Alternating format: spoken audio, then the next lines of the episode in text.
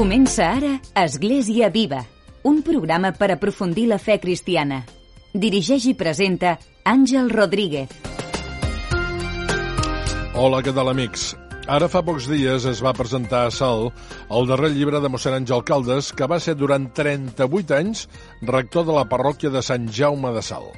Tot seguit eh, parlem amb mossèn Àngel Caldes, que ha tret el llibre Retalls de memòria d'un capellà vell. El tenim aquí a l'altre costat de la via telefònica. Benvingut, mossèn Àngel, bon dia. Ben trobat, eh, Àngel. Benvingut, gràcies per estar avui amb nosaltres. Ara fa una setmana, més o menys, vaig tenir el goig de presentar-li el llibre que ha escrit vostè, eh, Sal, el van presentar eh, concretament a la Biblioteca de Sal, amb molta gent, és el darrer llibre que ha escrit vostè, Retalls de memòria d'un capellà vell. Vostè, eh, mossèn Àngel, quan va veure tanta gent que venia a la presentació del llibre, què va pensar? Mm, no ho sé, vaig estar molt content eh, i, i després he rumiat molt sobre aquella trobada i, mm, i he vist que el sacerdoci era una gran amistat en primer lloc, que, que el capellà és un amic en primer lloc. I aleshores aquella trobada era una trobada d'amics, de gent que venia a comprar-me, que de gent que venia a agrair-me, um, i, i jo amb ells. Um, I eh, era molt satisfactori, vull dir, és un agraïment. Jo agraeixo a tots els que varen venir perquè era un mal dia, feia molta fred, eh, eh, no se'ls havia perdut res per allà i, i varen venir. Doncs estic molt agraït. O sigui, és una amistat. Per què creu, mossèn Àngel, que la gent l'estima tant? Bueno, això ho has de dir tu perquè jo no, la gent m'estima tant. No, no, no ho sé, no ho sé. Uh, jo la gent m'estima, sí que ho he vist, i, i, però, però mm, jo, jo, diguem, com a capellà, la meva vocació és estimar la gent. Diguem, és estimar la gent, independentment de la reacció de la gent. La gent pot odiar-me, pot... però jo tinc d'estimar-los. Per què? Perquè l'Evangeli és, és, és l'amor de Déu comunicat als homes històricament. L'Evangeli és, és això, és, és Déu que estima l'home i, i en el fons tota la fe es resumeix en l'amor. Un amor que ve de Déu, que no és creat per l'home, però que és un do de Déu. Aleshores, eh, és un do humà i un bo diví. Que la gent m'hagi estimat és que la gent té fe i agraeix el servei religiós del capellà, la missa, de qualsevol capellà li agraeix, perquè pugueu ir a missa, la, la confessió, el poder, el poder reconciliar-se amb Déu. Diguem, els actes sacerdotals són actes que si no hi ha amor a darrere no són sacerdotals. Vostè en el llibre explica moltes anècdotes, vivències, menys les confessions. Un capellà com vostè també es confessa? Home, sí, home. Jo em confesso... Mira, jo ahir ho vaig dir a la gent. Jo des de abans dels 15 anys, quan era al seminari em confessava no sé cada quan, però el seminari era petit i llavors ho tenia jo de, de, de 10 a 15 anys. Eh, però després de 15 anys, que estava a Barcelona, em confessava cada setmana i tota la vida ho he fet tota la vida. Llavors, ho agraeixo molt per dues coses. Primera, perquè mm, és el perdó de Déu, és el camí de Déu. Això sense fe no s'entén, però és així. I segon, perquè la, la confessió va unida amb el consell moltes vegades, i jo tenia 15 anys i estava molts consells. No estava. I, i n'he tingut sort de la gent que m'ha aconsellat. Aleshores estic molt agraït. Eh, la confessió, mm, jo no vull fer comparacions psicològiques ara amb la confessió i, i, i la, les xerrades humanes que pugui haver-hi, però, però de fet, de fet, orienta perquè dona criteris cristians, criteris d'estimar de, de, la llibertat, de criteris d'estimar eh, la persona, a passar dels defectes, criteris d'estimar de, de, el treball, d'estimar la, la, mm, diguem, d'ajudar a suprimir l'orgull que portem a dintre, l'impuresa que portem a dintre, tot.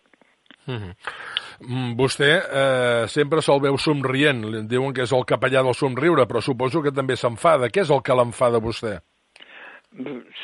Eh, m'enfaden moltes coses perquè jo sóc un hispànic eh, a pesar d'haver estat a I, i em poso de mala bava eh, però, però vull dir cada vegada que, que m'enfado m'equivoco per què? m'equivoco perquè perquè, mm, perquè s'escapa el desamor mhm. -huh. quan un s'enfada eh, ofèn moltes vegades, a menys que sigui molt serè, que sigui... Eh, però, però sempre que, que hi hagi... I això no ho he sabut fer-ho. Això jo soc, soc de Caçà de la Selva i allà, eh, quan ens enfadaven, enfadaven però vull dir que, que l'enfado no, és, no és un diàleg. Per exemple, l'exemple que tenim dels, dels diàlegs polítics que hi ha avui dia en el món no, no són diàleg no, són, són lluites, són, són conflictes. Aleshores, l'enfado és un conflicte sempre, i el que és important és que la persona que, que, que, està, que s'al·ludeix doncs, sàpiga que és estimada. Llavors, accepta. Ens fa falta somriure més, mossèn Àngel? Home, jo crec que sí. Vull dir, jo crec que sí. No veus que el, el món és, és una... Un, un, agafes la premsa i, i les notícies més violents estan a primera pàgina. Eh, S'explica amb detalls totes les barbaritats que pot fer una persona. Diguem, que, per què? Perquè vol vendre. Eh, llavors, el somriure vol dir Mm, manejar-se bé en la veritat. Si no hi ha veritat, no hi ha somriure possible. Tot engany és, és anti-somriure. Uh, en canvi, si lluites per fer les coses bé, si, si uh, atens la persona, si la comprens, si, si valores la persona, és més fàcil el somriure. I, i sobretot si, si és que connectes amb l'Evangeli. L'Evangeli és, és el somriure de Déu. Déu s'ha fet home perquè l'ha estimat. Per què? Perquè és amor, Déu és amor. Estem parlant amb mossèn Àngel Caldes arran d'haver publicat el seu darrer llibre titulat Retalls de memòria d'un capellà vell. Vostè ha estat eh, 70 anys de capellà, que són molts, 38, 71, 71 eh, anys de capellà, 38 de rector a Sant Jaume de Sal. Sí. Eh, 71 anys de capellà són molts. Com a capellà, què és el que li ha agradat menys de fer? Uh, mm, mira, no ho sé, me fas preguntes que, que, que no, tampoc hi he pensat tant, però jo te les agraeixo, vaja, perquè m'ajuda uh, a buscar la veritat. Um, jo crec que, que, que quan el, el rector de, de Sant Jaume de Sal, de Sant Cugat de Sal, quan vaig arribar de vicari, jo tenia 23 anys, encara no m'hi he fet 24, em faltava un mes, me va deia, tu ets un conill de més. Eh, ho deia tots els vicaris, és un conill de més. I realment era un conill de més. Som un conill de més durant molt de temps. I el, la, la, la gràcia de Déu i l'experiència humana van madurant les persones. Aleshores, jo, diguem, mm, tinc més pau ara que no pas quan era jove. Eh? Tinc més tranquil·litat ara. Per què? Perquè hi ha hagut la formació. Hi ha molta gent que m'ha ajudat. Jo estic molt agraït.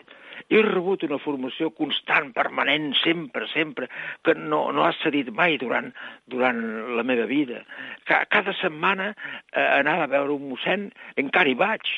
Agafo un taxi i vaig a Girona, em confesso, xerro, parlo, dinut i marxo. Eh, eh, però però m'ajuda i, perquè és la formació contínua. Llavors això és el que dona una certa plenitud eh, i, i, i, i ho atribueix a Déu. Eh? Diguem, jo sóc un, diguem, Sant Josep Maria que va dir que jo de, soc capaç de tots els errors i de tots els horrors. Doncs jo també sóc capaç de tots els errors. Santa Teresa de l'Infant Jesús deia que Déu perdona o abans del pecat o després del pecat. I el que més li agrada fer com a capellà, què és? Ser capellà. Mm, el que convingui cada moment. Eh, ara, per exemple, el que m'agrada més és parlar amb tu. Gràcies. Resseguint el llibre, vostè diu que un dels perills del capellà és la solitud. Sí. Parla del desert interior. Sí. La, la, la, el capellà eh, viu en un món eh, que el contradeix eh, no, no, la gent no està d'acord. I ara avui dia aquesta, aquest desacord s'ha manifestat més obertament perquè, perquè la cultura actual és una cultura atea, eh, o almenys eh, diguem, amb un dubte permanent, i, i per tant no, no, no, no és el moment del capellà en aquest sentit eh, externament. Però, però mm, eh, això sempre és útil. Diguem, la, la, el capellà no, no, no predica la seva doctrina, sinó els valors positius de l'Evangeli. i si no és positiu no ho fa bé. I per fer-ho positiu, doncs vull dir, és, un, és tot una, una, una elaboració, és tot una, mm, un, un creixement interior que Déu dona eh, i, i, i prou. Un capellà és una persona que la pot vessar i la vessa moltes vegades, però que ha de lluita, lluita per dir la veritat de l'Evangel. Tot allò que és bo, tot allò que és eh, vell, que és hermós, tot allò que és ens, tot allò que és veritat, convergeix i, i el capellà treballa en aquestes dimensions.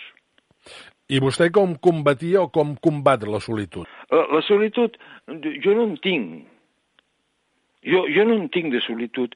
Jo, amb aquest règim que et dic que, mm, bueno, jo cada dia tinc la meva, el, meu, el meu pla de vida, diguem, jo tinc, tinc el reso del breviari, que, que ara el faig amb, amb, el, amb el, rodina, ai, amb el mòbil, que em va molt bé perquè ho veig molt més bé i ella és més grossa, és que, que em dura tres quarts aproximadament.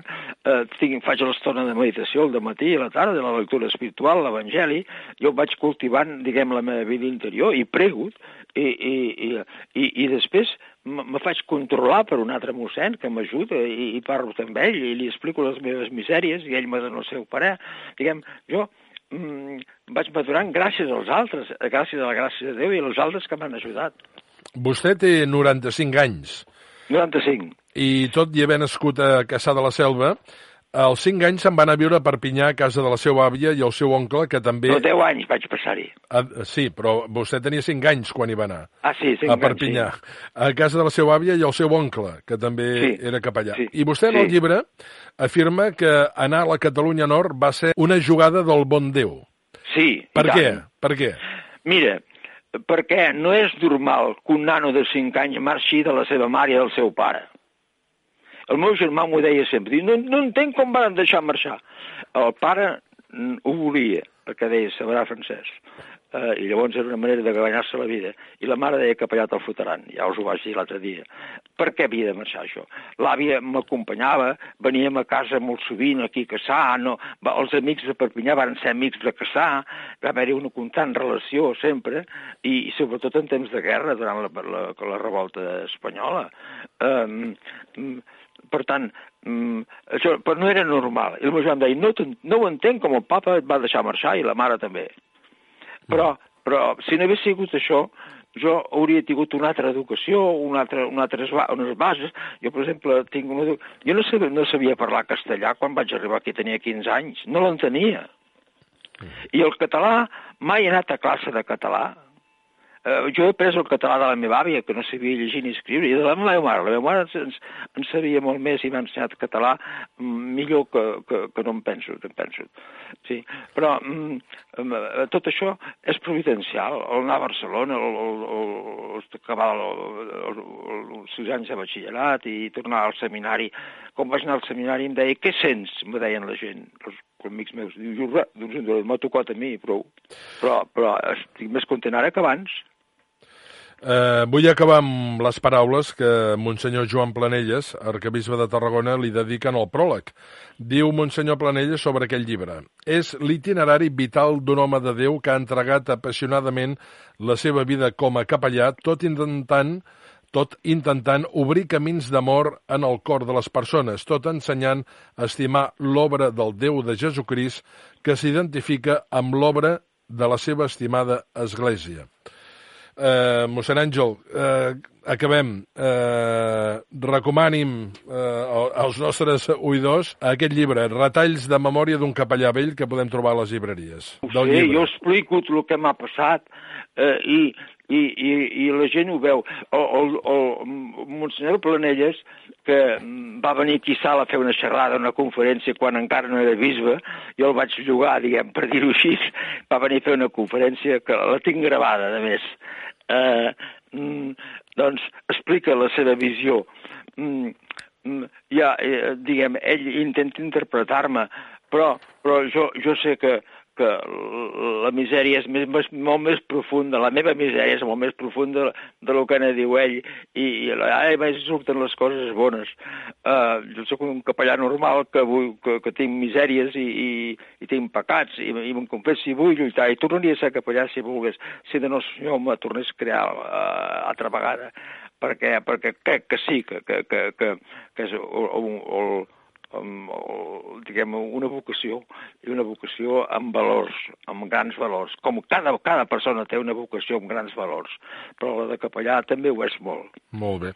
Moltes gràcies, mossèn Àngel Caldes. Recomanem aquell llibre Retalls de memòria d'un capellà Sí. vell. Àngel, jo aprofito per dir-te públicament que t'estic molt agraït. A vostè, per el perquè llibre. perquè m'hi sento bé quan preguntes, perquè m'entens bé i entens el, el, el, diguem, el període saltenc de la meva vida i de capellà. Una abraçada molt grossa. Gràcies, mossèn Àngel, i saludem aquí els nostres oïdors que tenim a Caçà de la Selva i a Salt, sobretot. Eh? Adéu. Gràcies, que vagi bé.